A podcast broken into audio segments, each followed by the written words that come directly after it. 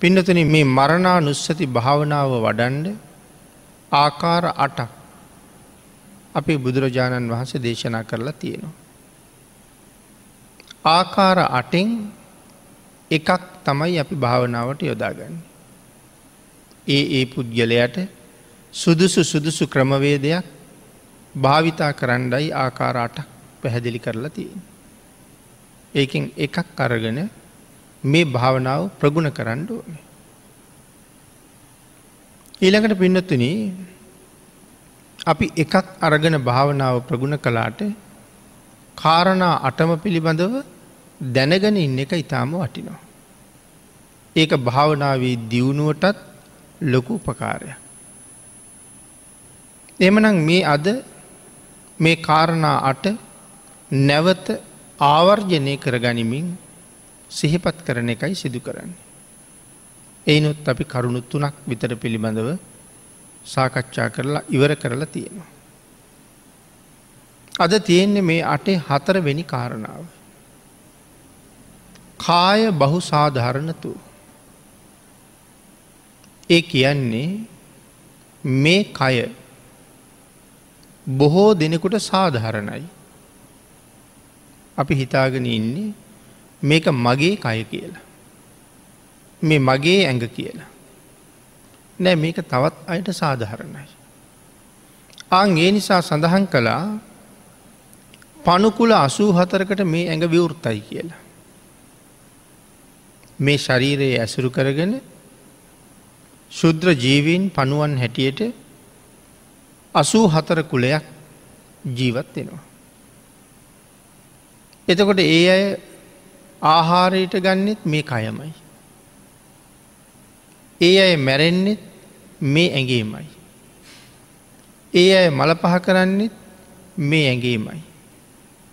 ඒ අය දරුව බිහි කරන්නෙත් මේ ඇගේමයි. එනිසා ඒගොල්ලන්ගේ වාසභූමිය බවට පත්වෙලා තියෙනවා මගේ කය. ඒගොල්ලන්ට වැසිකිලියක් බවට පත්වෙලා තියෙන නිසා මගේ කය වැසිකිලියක් වගේ. මොකද ඒ සත්තුන්ටත් ඒක පොදු නිසා. ඒ අයි දරුව බිහි කරන්නෙත් මේක නිසා ඒක ඒ අයට සූතිකරයක් බවටත් පත්වෙලා. ඒ සත්තු මැරෙන්නෙත් මේක නිසා ඒ සත්වයන්ට මේක අමුසොහොනක් බවටත් පත්වෙලා. ජීවත්වෙන්ඩ ආහාරයට ගන්නෙත් මේ ඇඟමයි. එතකොට අපිට මෙහෙම ජීවත්වෙන්ට පුළුවන් වෙන්නේ. අපිට මෙහෙම ජීවත්වෙන්ට පුළුවන් වෙන්නේ ඒ අය ප්‍රමාණයකට විතරක් මගේ ඇඟ කණහින්ද. මේ ඇඟ කකානේ ජීවත්වෙන්නේ. ප්‍රමාණයකටයි කන්නේ. බැරි වෙලාවත් ප්‍රමාණය ඉක්මෝල කෑවොත් එහෙම මට ජීවත්තෙන්ට ක්‍රමයක් නැතුව යනවා. අන්න ඒ නිසා මේ කය තව හුඟ දෙනෙකුට සාධහරණයි. මේ ශරීරයේ තුළ ඉන්න සුද්ද ජීවියට විතරක් නෙමෙයි. අපි පාරය ඇවිදගෙන යනකොට සුනකයකට හිතුනොත් හපන්්ඩෝන කියලා එයාටත් සාධහරණයි ඇවිල්ල හපනවා. මේ සුනකයන්ට කණ්ඩ බෑ මේ ඇඟ කියලා කොහෙවත් නීතියක් නීතියක් නෑ හිතුනොත් ඇවිල්ල කණ්ඩ පුළුවන්. කොටියකුට සිංහයකුට හිතුනොත් ඇවිල්ල මරාගෙන කණ්ඩ පුළුවන්. ඒ අයටත් සාධාරණයි. කවුරු හරි ගල් විසි කරනවා. ඒ විසි කරනකොට මගේගේ වදිනවා.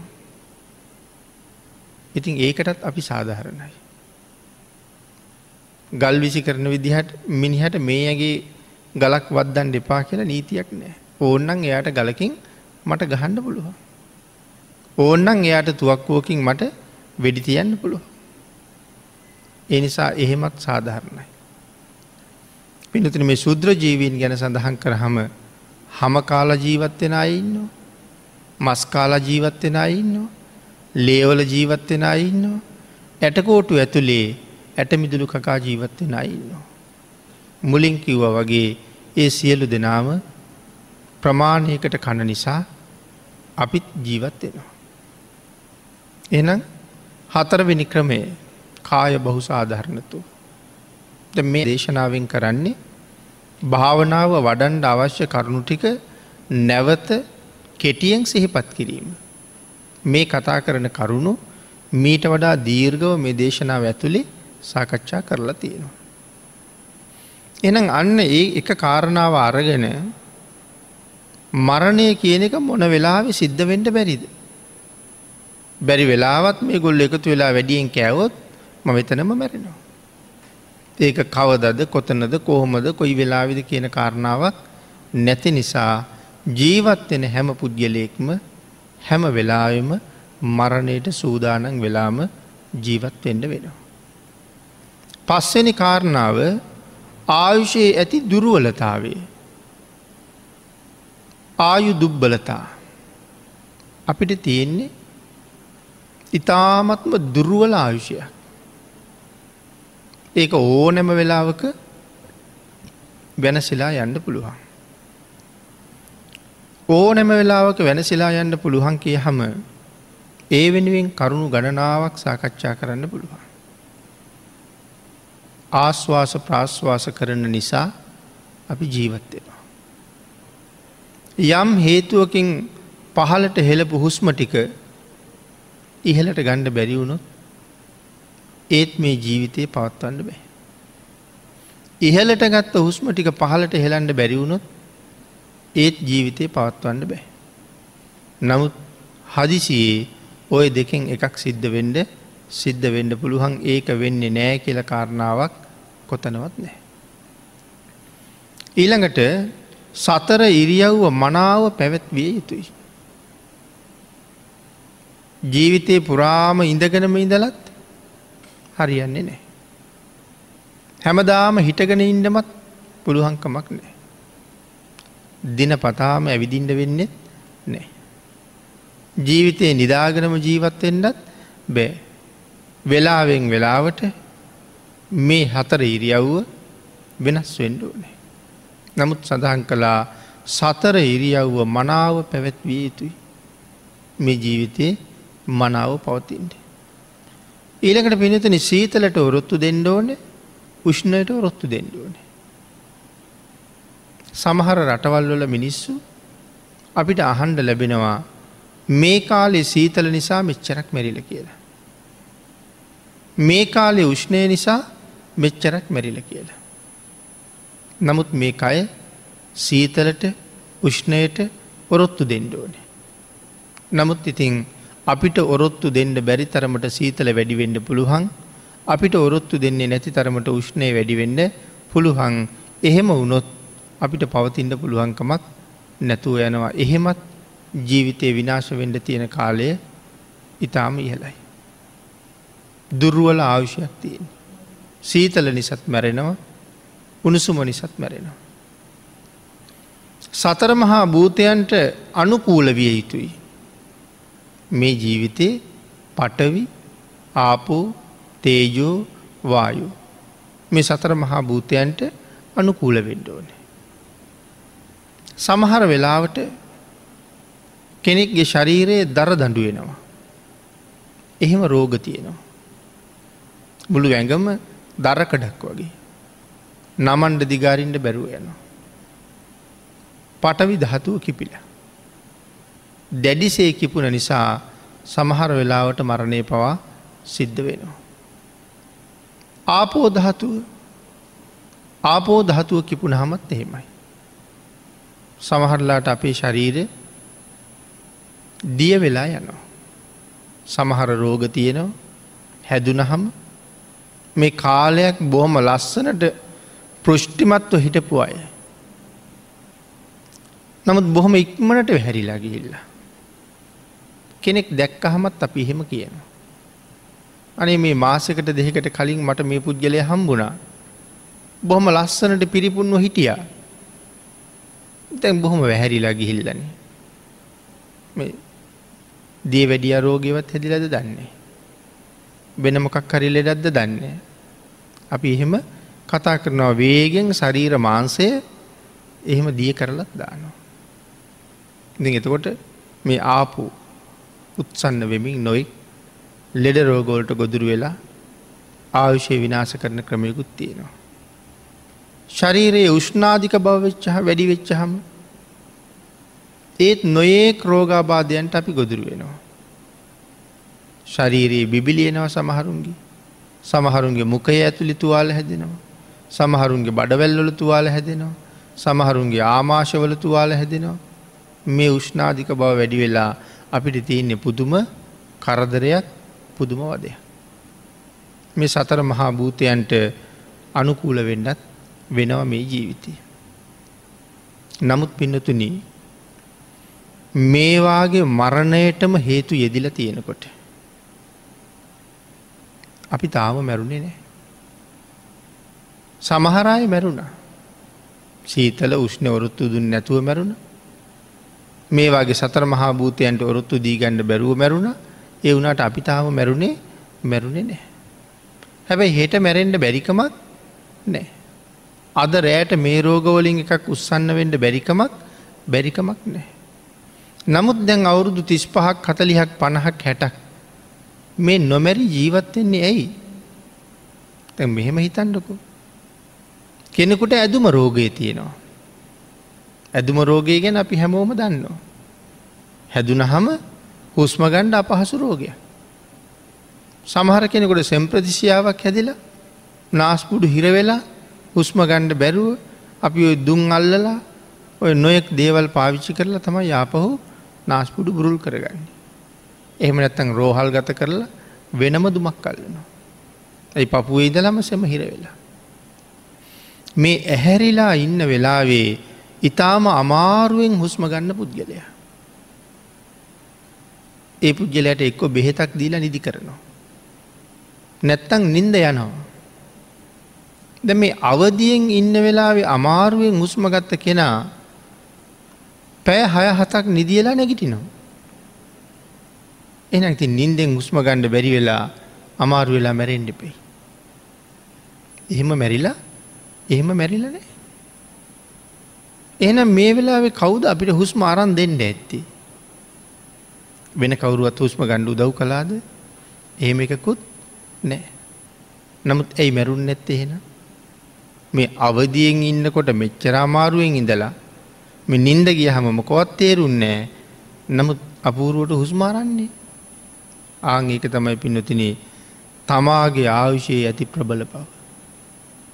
තවම මැරෙන්ඩ හේතුවක් තවම මැරෙන්ඩ හේතුවක් නෑ. මේ ආවිෂයට පහර දෙන කර්ම තියෙන ඕන තරම්. ඒ කර්මයක් එළමෙන්ඩ මෝනේ. හැබැයි මගේ ආවිෂයට පහර දෙන කර්මයක් එළඹුණොත් එදාට මට කොහොමුවත් දිවි රැකගණ්ඩ බැරුව යනෝමයි. එදාට වැටෙන්ඩම පහර දෙනවා. නමුත් එවන් කරුමයක් එළමෙන තුරු වෙන කිසිම බලවේගකට මේ ජීවිතයේ ලේසියෙන් වට්ටන්ඩ වට්ටන්ඩත් බෑ. මොකක් දේකට හේතුව ප්‍රතිසන්ධි චිත්තයාගේ තියෙන ප්‍රබල බව. එහෙම කීවී.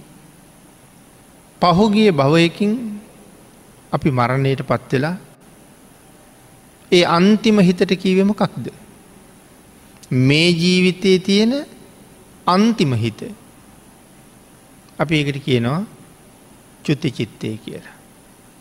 ඊළඟ ජීවිතයේ පළවෙනි හිතට කියන්නේ ප්‍රතිසන්ධි චිත්තය කියලා. ආං ඒ ප්‍රතිසන්ධි චිත්තය මොන්න තරං ප්‍රබලද ඒ ප්‍රබල නිසා යොහොමඉන්න. ඔබ ඇසුරු කරපු ඔබට බාල කී දෙනෙක් මේ වෙනකොට අපි අතරින් සමුවරන් ඇත්ත. අපිට බාලා අය මැරිල ගියා නමුත් අපි තාම තාම ඉන්න අරගනාපු ප්‍රතිසන්ධි චිත්තයේ ප්‍රබල බව නිසා. එහෙමනං ඒවාගේ ප්‍රබල ප්‍රතිසන්ධයක් ලබන්ඩ සංසාරය කොයි තරම් පින් කරන්න ඇද. මේ තියෙන්නේ ඒ කරපු පින්වල ශක්තිය. තවම මැරුණෙ නැත්තේ ඒ පින්වල ශක්තිය නිසා. මේ ජීවිතයේ මැරෙන්ඩ හේතු කොච්චර තිබ්බද. සමහරය වාහනොලට යට වෙලා මැරෙනවා. සමහරය ගස්වලින් වැටිල මැරෙනවා. සමහරය සුලිසුළංගොලට අහු වෙලා මැරෙනවා. සමහරය ජලගැලීම්වලට අහු වෙලා මැරෙනවා. සමහරයන අයම්වලට අහු වෙලා මැරෙනවා. තවත් නොයෙක් උපද්ද වැවිල්ල මැරෙනවා.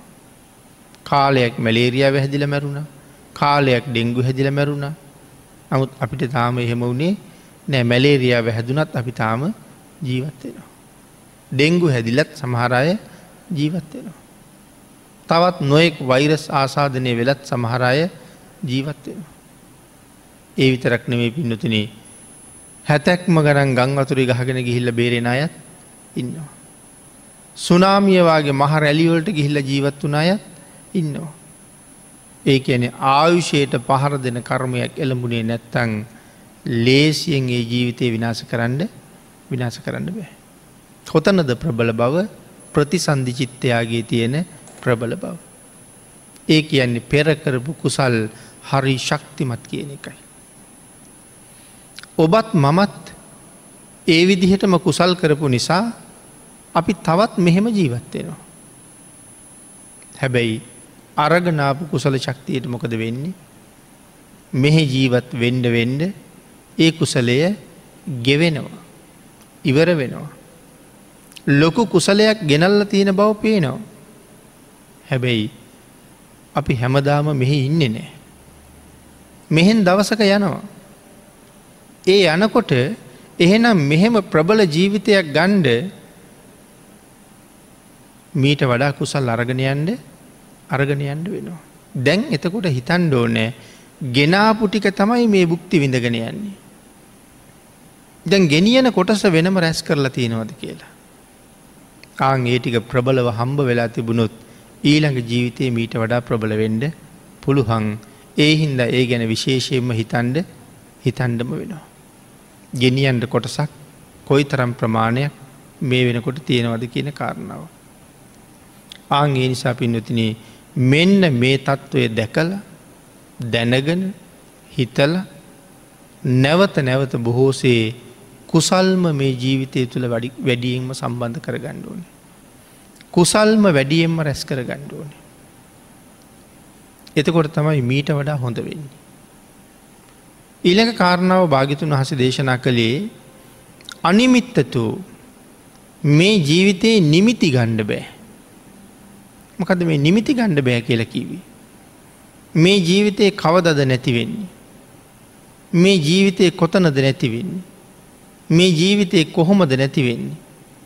කොයි කාලෙද මොන හේතුවෙන්ද කියන කාරණාවල් පිළිබඳව අපිට නිමිත්තක් නෑ. ඒ නිසා අනිමිත්තතු ඕනම වෙලාවක මරණය මං හොයාගෙන එන්ඩ පුළුවන්.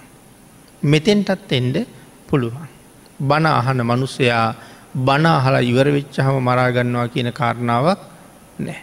එනවනං මෙතෙන්ටත් එනවා මම කරන්නේ මොකක්ද කියන එක මරණයට වටින්නේ වටින්නේ නෑ. එහනම් ඒ තරම්ම අස්තිරනං අපි තවකුමට පරක්කු වෙනවද කියන කාරණාව ගැන හිතන්ඩෝනේ. අපි කලින් සඳහන් කළා පෙර කරපු පින් බොහෝසේ තියෙනවා කියලා.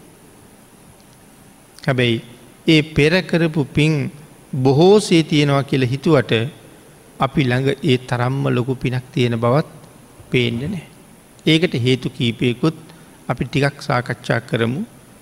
පිනතන මෙතන සඳහන් කළා මොන හේතුවෙන්ද කොතනද කොහොමද මේ ජීවිතය නැතිවෙන්නේ මහපාරෙද හේනෙද වෙලේද වැවේද රැකියාව කරන තැනද පාසලේද පන්සලේද උඩුගුවනෙද සාගරයේද මේ කොහෙද මැරෙන්නේ කියන කාරණාව තීරණයක් නෑ. ගොඩබිම ඉපදිච්ච මිනිස්සු ආකාසි මැරෙනවා. ගොඩබිම ඉපදිච්ච මිනිස්සු ජලයට ගිහිල්ල මැරෙනවා. ජලයේ ඉපදිච්ච අය ගොඩට ඇවිල්ල මැරෙන. ආං ඒවාගේ තැන නොතැන කොහොමුවත් හිතාගණ්ඩ පුළුහංකමක් නෑ. මේ රටේ ඉපදිච්ච මිනිස්සු පිටරට ගිහිල්ල මැරෙනවා. පිටරටවල් වල ඉපදිච්චාය මෙහැවිල්ල මැරෙනවා. කවදාවත් හිතුවෙන එහෙම තැනක මරණයයි කියලා. ආං එකයි අනිමිත්තතෝ කවදාවත් නිමිති ගණ්ඩ පුළුවන්කමක් නෑ. මාළුවවාගේ සත්තු ජලයේ ඉපදුනා ගොඩට ඇවිල්ල මැරෙනවා. මිනිස්සු ගොඩබිම ඉපදුනා වතුරි ගහගෙන ගිහිල්ල මැරෙනවා. එහින්ද නිමිත්තක් හරියටම කියන්න පුළුවන්කමක් ඇත්තෙම නෑ. කර්මය අනුව ඒක තීරණය වෙනවා ඒ නිසා අපි විසින් වැඩි වැඩියෙන් කුසල කර්මම තීරණය කරන එක සිදුකරගන්න එක වටිනවා නමුත් මේක තේරුන් නොගත්ත මිනිස්සු වැඩි වැඩියෙන් තව තවත් අකුසල කර්මම රැස් කරගන්න බව සමාජ දිහා බලහම පේනවා. පිනතන මේකට අපූරු උදාහරණයක් පැහැදිලි කරනවා චුල්ල නන්දිය කියන ජාතක කතාවේ. අපේ මහා බෝසතාණන් වහන්සේ වඳුරු ආත්මක ඉපදිලා. වඳුරු රජ්ජුරුව වඳුරු අසූ හතර දාහක නායකය. සහෝදරයකුත් ඉන්නවා හැබැයි අම්ම ගැස් දෙකම පේන්නේ. වඳුරු රජ්ජුරුව කල්පනා කළා මේ රජකමට වඩා මට වටිනවා ඇස්පේෙන් නැති මගේ අම්මරක බලාගන්න එක. මහබෝසතාණන් වහන්සේ තිරිසංආත්මවලත් එහෙම කළ. නමුත් මේ කාලේ මනුස්ස ජීවිත ගැන කල්පනා කරහම ඒ ජීවිත මොනතරං දුප්පද්ද කියලා හිතෙනවා ගුණයෙන් සමහර වෙලාවට පස්සෙ කාලෙ හම්බ වෙච්ච බිරිඳක් නිසා ජීවිතය දුන්න අම්ම ගෙදරින් ගියාට කමක් නෑ කියල හිතන අය ජීවත්වෙන සමාජයක තමයි අපින්නේ. නමුත් මහබෝසතාණන් වහන්සේ රජක මත්හැරල දාලා එනවා තමන්ගේ අම්ම වෙනුවේ. ඇවිල්ල සහෝදරයයි අම්මයි එකතු කරගෙන එක නුග ගහක වාසය කරනවා. මේ කාල එක වැද්දෙක් දඩේ මේ ගිහිල වැද්දට එදා දඩයන් හම්බෙලා නෑ.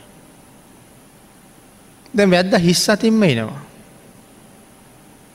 බෝස්තන් වහස දැක්කා වැද්දට දඩයක් නැතුව යදෙන්නේ. හදිස්සියේ අපි දැක්කොත් අනිවාර්යෙන් අද අපි හරි මරනෝ. ඒ නිසා නුග ගහේ කොලාතරි හැංගුණා. වටපිට බලබල ගස් දිහා බලබලයින වැද්දා නමුත් ඇස්පේෙන්ෙ නැති අම්ම දැක්කා. කල්පනාව මේ වැඳිරිවත් මරණ එක අද මට වටිනවා. හැබැයි මේ වැද්දට ශිල්ප උගන්නපු ගුරුවරය මෙයාට ශිල්ප උගන්නන්ට අකමැති වුණා.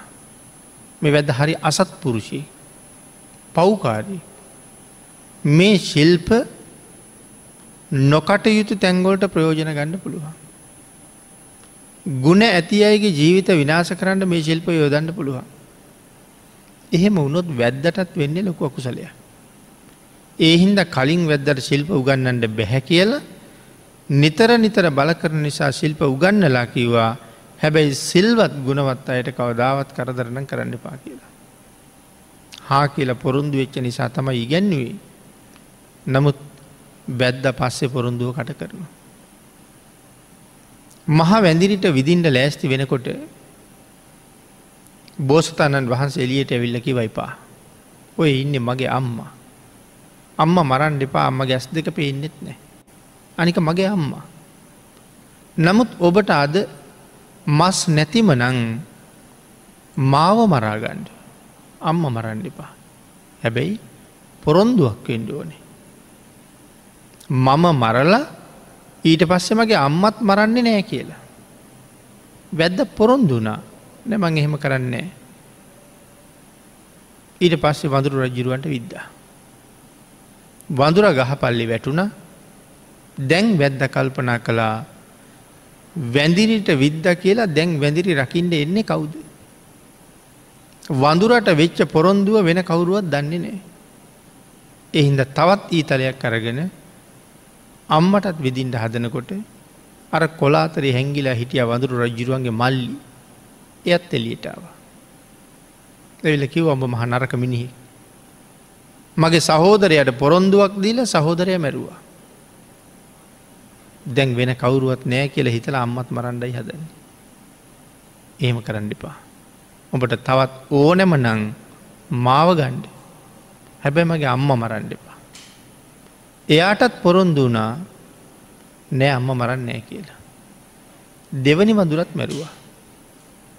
අන්තිමට කල්පනා කළා තවත් කවුරුවත් නැතිවේදී වැඳිරිත් මරන්න ඕන කියලා තුන් දෙනාව මැරුවා.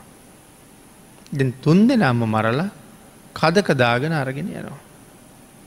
කැලෑව කෙරවලේ තමන්ගේ නගරයට අවතීරණ වෙන්ඩ ගමට අවතීරණ වෙන්ඩ යනකොටම වැද්දට පනිවිඩයක් ලැබෙනවා මහ විශාල අකුණු පුපුරලා බැද්දගේ ගෙදරයි පවුලියයි සියලු දෙනාම විනාස වුනා කියලා. බැද්දට ඒක දරාගණ්ඩ බැරූගිය. වැද්ද හඬමින් වැලපෙමින්ම ඉන්නකොට වැඩි වෙලාවක් ගිය නෑ පොරොන්දු උල්ලංඝනය කරපු මේ මහ පව්කාරයා දරාගනීන්ට මහපොලෝ තවම සූදානන් සූදානන් නෑ. ඒ නිසා මහපොළොව ඇත් වුණා අවීචයෙන් ගිනි දැල්ලාව වැද්ද වෙලාගෙන අවීචයට මරංගිය. ඉගෙන ගත්ත ශිල්ප ශාස්ත්‍රයේ ගුරුවරයට දුන්න පොරොන්දුව මං මේක නොකට යුතුකං සඳහා යොදන්නේ නෑ සිල්වතුන්ට ගුණවතුන්ට එරෙහිව යොදන්නේ නෑ. මොකද මෙයා වෙනත් ශිල්ප ශාස්ත්‍ර ඉගෙන ගත්තේ වෙනත් රැකියාවක් කරන්නට. කරන්නම දෙයක් නැතිහින්ද තමයි මේ රස් අවතෝර ගත්තේ ඇ මෙහෙමෙව්ව කරන්න එපා කියලයි කියල තිබ්බි. නමුත් වැද්දට කාරණාව මතක් වෙලා ප්‍රඥාව පහළ වෙන්නේ ගිනි දැල්වලින් වෙලිල ඇදගෙන යනකොට. රැස් කරගත්ත කරුම එක තරම. බුදුරජාණන් වහන්සේ මේ කාරණාව දක්වලා දේශනාවක් කළා මහනිනී දේවතත්වයන්ට එදත් ප්‍රඥාව පහළ වනේ අවීජයේ ගිනි දැල්ලෝට මැදි වුණට පස්සේ. දේවදත්තයන්ට මෙදත් ප්‍රඥාව පහළ වනේ අවීතිය ගින් දැල් දැක්කට පස්සේ. එහෙමනං කරුමම රැස් කරනවා. එන අපිත් මොන තරං පින් අරගෙන ඉපදිලාද. කොයි තරං ශ්‍රේෂ්ඨ ජීවිතයක්ද. ඒ වුණට මුළු ජීවිත කාලෙම සමහරාය දුස්සීලෝම ගෙවලදාන. තමන් දුසිල්වත්ව ඉඳගෙන දම්පැන් දෙන්න ගියහම සිල්වතුන්ම හොයනවා. ඒක ඒ තරන් ලාබදාහි වැඩක් නෙමි. තමන් දුස්සීලයි. ද හුඟක් වෙලාවට අපි දකින්නේ ගිහි සමාජය ස්වාමීන් වහන්සලට දුස්සියලයි කියල බයිනවන්නේ. එතකොට අපිත් දුස්සීල වෙන ක්‍රමයක් තියෙනවද කියලා දන්නේ නෑ. ඒක වෙනම බුදුරජාණන් වහස දේශනා කරලා තියෙනවා. ගිහි අයට මොකක් නිසාද දුස්සීලයෝ කියල කියන්නේ. ගිහි අයට තියෙනවා නිත්‍ය වූ සීලයක්. ඒ තමයි පන්සිල්. ස්වාමින් වහන්සේලාටත් තියෙනවා නිත්‍ය වූ සීලයක්. එක උන්වහන්සේලගේ සීලේ. ඒ සීලේ දුස්සීල මට්ටමට පළුදු කරගත්තොත් උන්වහසලා දුස්සීලයි. එන නිත්‍ය පංචසීලය ආරක්ෂා කරන අය ඒ පන්සිල් පළුදු කරගන්නව නං ඒ ගිහියට කියන්නේ දුස්සීල ගිහියයි කියලා. එනිසා හැම වෙලාම සීලවන්ත ජීවිතයක් ගත කරන්න හැම කෙනෙක්ම උත්සාහ දරන්න ඕන කියන කාරණාවයි මේ සිහිපත් කරන්න. ඊළඟට සඳහන් කළා යමෙක් යම් කර්මයක් කළොත් ඒ තමා තුළින්ම පිළිඹි වෙලා පේනවා. සංසාරය කරලා තියෙන කරුම. චුල්ල නන්දිය ජාතකයේ මහබෝසතාණන් වහන්සේ වඳුරු අසූදාහකට තමයි නායකත්වය දරලා තියන්නේ. අසු හතර දාහකට නෙමෙයි වඳුරු අසූදාහකට නායකත්වය දරලතිය. අපි සඳහන් කලා යම් කර්මයක් කළොත් ඒක තමන්ගෙන් පිළිමි වෙනවා කියලා. එක මේ කාලි හැටියට සඳහන් කළොත් යාදිසං වපතේ බීජං තාදිසං හරතය පල. කවදාවත් වී වපුරලා තල බලාපොරොත්තු වෙන්න බෑ. මුං වපුරලා වී බලාපොරොත්තුවෙන්ට පුළුවන්කමක් නෑ. වැපුරුවේ යමක්ද අස්වන්නත් ඒකෙන්ම තමයි හම්බවෙන්න. එහෙනම් පෙර අපි කොයි තරම් පින් කරලා තියෙනවද. ආං ඒ අනුව තමයි මේ ජීවිතය තීරණය වෙලා තියෙන. මේ ජීවිතය හම්බුනේ පෙර හුඟාක් පින් වියදං කරපු නිසා. පෙර පින් වියදං කරලා. මනුස්ස ජීවිතයක් ලේසියෙන් ලැබෙන්නේ නෑ. මනුස්ස ජීවිතයක දුර්ලභ බව බුදුරජාණන් වහන්සේ තවත් උදාහරණවලින් පැහැදිලි කරලා වෙනත් සූත්‍ර දේශනාවල් වලින් මේ අය අහලා තියෙන. බියසිදුරෙන් අහස බලන හැටි කන කැස් බෑව වියසිදුරෙන් අහස බලන්න පුළුවන් නමුත් මේ ජීවිතෙන් මරණයට පත්තිච්ච කෙනෙක් අය මනුස්ස ජීවිතයක් ලබනවා කෙනෙක ඊට වඩා බොහොම දුර්ලබයි. මනුස්ස චුති සූත්‍රයේ දේශනා කලා නිය මඩල මතර වැලිටිකක් කරගෙන මහනිනී මේ මගේ නිය මඩල්ල මත තියෙන වැලි තරම් ප්‍රමාණයක් වත් මේ මනුස්ස ජීවිතයෙන් චුත වෙච්චහම මේ සියලුම සත්වයා ආය මේ නිය පොත්තේ වැලි තරම් ප්‍රමාණයක්වත් මනුස්ස ජීවිත ලබන්නේ නෑ. සතරාපායට මයි තීරණවෙන්න. ඒ තරම්ම දුර්ලබයි මේ ජීවිතය. එතකොට මේ බනාහනායට මේ ජීවිතය ලැබුණේ ඒ දුර්ලභ වූ ජීවිතය ලබන්ඩ මොන්න තරං සංසාරි කරපු කුසල කර්මයක්ද මේ හේතු වෙලා තියෙන. එහෙම ජීවිතයක් ලැබුව තවත් දුර්ලබයි කියල සඳහන් කරපු ෂණ සම්පත් ලැබවා. ඇස් දෙක කං දෙක නාසය කට අතපය ඇඟ මිෂණ සම්පත්. හැබැයි ඒවා ලැබෙන්නේ ඒ ඒ ඉන්ද්‍රියන් වෙනුවෙනුත් වියදන් කරපු වියදන් කරපු ප්‍රමාණයට. සමහර වෙලාවට සමහර දරුවි අවුරුදු පහළවක් දහටක් වාග වෙනකොට උපැස්සිවලක් පලදිනවා. සමහර කෙනෙක් අවුරුදු හතලිහක් හතලිස් පහක් වෙනකොට උපැස්සිවලකට යනවා. තව සමහර කෙනෙක් අපි දකිනවා අවුරුදු අසුවක් විතර වෙලා. ඒත් තාම පොත් කියවනවා පත්තර කියවනවා උපැස් පලඳින්නේ උපැස් පලඳින්නේ නෑ. අපි සමහරලාට බඩු ගණ්ඩයනවා. අපි වාහනයකට බඩු ගණ්ඩයනවා කියලා. කෙනෙක් හැම තැනම හොයගෙන හොය හොය යනවා මේ තමන්ට වුවමනා කොටස එක ජපානයෙන් ගෙන්න්න අප එකක් නැද්ද. ඇයි දන්නවා හොඳම බඩු තියෙනවා කියලා. හැබැයි මිලෙනුත් මිලෙනුත් වැඩි. එයාට ඒ තරම්ම වියදන් කරන්න මුදලක් නැත්තං මධ්‍යම ප්‍රමාණය දෙයක් එහින් දහනොම ඉන්දියන් ඒව නැද්ද. සාමාන්‍ය කාලයක් පාවිච්චි කර හැකි. නමුත් එහෙම කරත් එහෙම කරන්නත් මුදලක් නෑ නිකං යන්තන් වාහනේ මග තියෙන එක ගෙදරටවත් ගෙනිය ගණ්ඩ. ඔය තායිවාන් වාගේවත් තියෙනවන්නන් දෙන්ට. අපි එහෙමත් ඉල්ලනවා.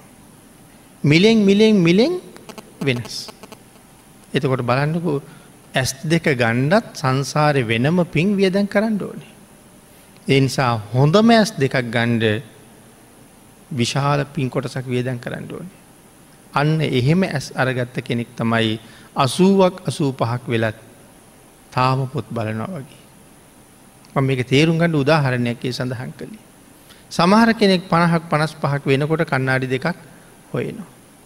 සමහර කෙනෙකුට අවුරුදු හතර පහ වෙනකොට පහළුව විශ්ස වෙනකොට උපැස්වලක් වුවමනයි. ඒ කියන්නේ මේ ජීවිතෙත් ගණ්ඩ පින් වියදැන් කලා ෂණ සම්පත් ලබන්ඩත් පින් ඕනෑ මනුස්ස ජීවිතයේ හම්බුනා කියලා ෂණ සම්පත් ලැබෙනවා කියල එකක් නෑ. සමහරුන්ට මිනිස් ජීවිතය ලැබිල ඇස් පේන්නේ. කංග හෙන්නේ.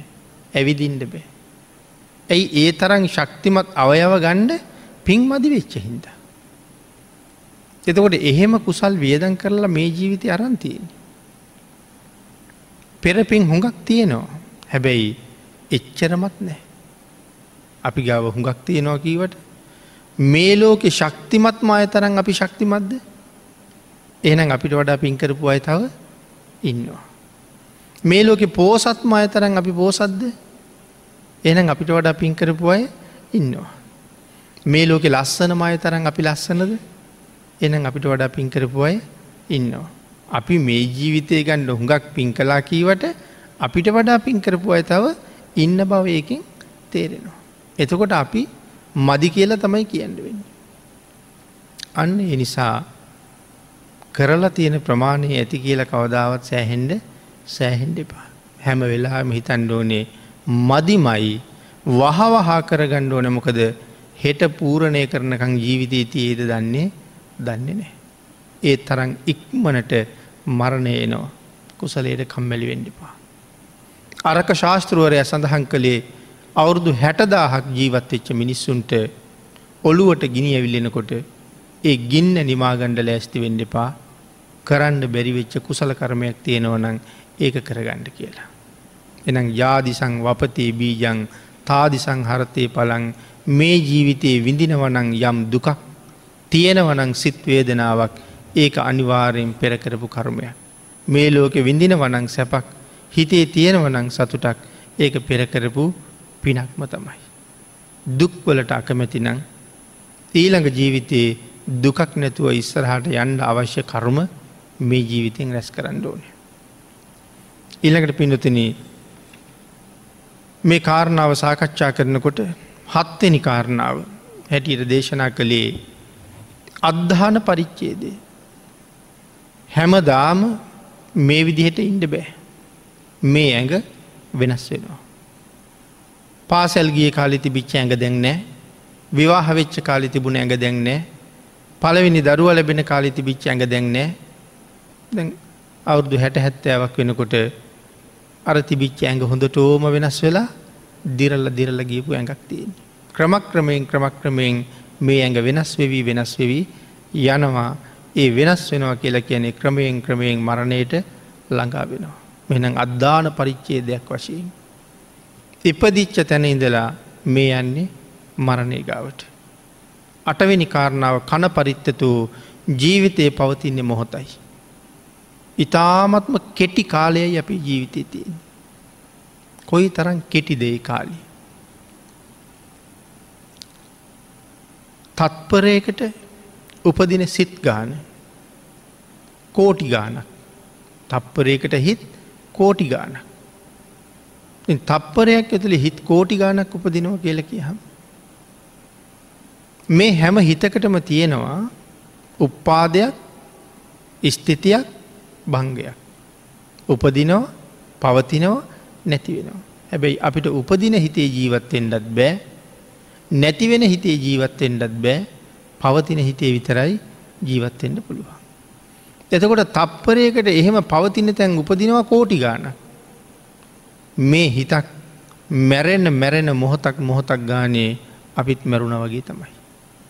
නමුත් ඇයි මැරිල වගේ පේෙන් නැත්තේ තප්පරයක් ඇතුළි කෝටි ගානක් මේ සිත්වල පවතින ටික පව තියෙනකොට අපි තව බිමෑද වැටීද. ඒකයි මේක දිගට ඉන්නේ. නමුත් කනික මරණයේදී මේකයි සඳහන් කළේ. යම් දවසක ඉපදිලා පැවතිලා මැරෙන හිත ආය උපදින්නෙම නැතුවම මෙරල යනවා. හැබැයි එදාට අපි වැටෙනවා. ආගේ නිසා කණ පරිත්තේ සඳහන් කරලා තියෙනවා. ඉතාම ෂණයයි මේ ජීවිතේ. පිනතින මෙන්න මේ කාරණා ටික මෙනෙහි කර කර ආකාර අටක් මරණ සතිය පැහැදිලි කළා ඒ ආකාර අටම ප්‍රගුණ කරලා අටම දැනගෙන අටම පාඩන් කරගෙන තමන්ට පහසු එකක් අරගෙන මරණ සති භාවනාව වඩන්ඩයි තියන්නේ. ඉතාමත්ම ආනිසංස සහිත මේ උතුම් භාවනාව මරණය පිළිබඳව තියෙන බිය අපෙන් වහ වහා පහ කරලම දානවා. භාගිතුන් වහස දේශනා කළා හැම වෙලායම දස පුුණ්‍යයක් ක්‍රියාව ජීවිතය සම්පූර්ණ කරගන්න කියලා. සිත පිරිසිදු කරගණ්ඩ සිත සමාධිගත කරගන්නට. දස පුුණ්‍යයක් ක්‍රියාවත් සම්පූර්ණ කරගන්නට. අතීතයේ පින්වලින් විතර මේ භවේ භාවනාව සාර්ථක වෙන්නෑ කියල දේශනා කළා. මේ ජීවිතෙත් වැඩි වැඩියෙන් පින් පිරෙන්ඩ ඕනේ. සීල විසුද්ධියක් ඇතිවෙන්ඩ මෝන චිත්ත විසුද්ධියක් ඇති කරගන්නට. එනිසා දුසිල් නොවී පන්සිල් මතම ජීවත්තෙන්ඩ ඕන. දසපුුණ්‍යයක් ක්‍රියාව ජීවිතයේ මනාව සම්පූර්ණ කරගණ්ඩුවන්. දසපුුණ්‍යයක් ක්‍රියා සම්පූර්ණ කරගෙන මනාව කුසල් එකතු කරගෙන සීලයකින් සම්පූර්ණ වෙන පුද්ගලයා මේ භාවනාවේ උතුම් පලයක් හොයාගෙන යන්ඩ පුළුහන් වාසනාව ලබන කෙනෙක් බවට පත්වෙනවා. එනිසා මේ දේවල් එකක්වත් නැතුව භාවනා කලාට විතරක් ඒක සාර්ථක නෑ කියන කාරණාවයි සඳහන් කරන්න ඕනි. ධර්ම දේශනාවට තියෙන කාලය නිමා වෙලා තියෙන නිසා අපි ධර්ම දේශනාව මේ විදිහට නිමා කරමු.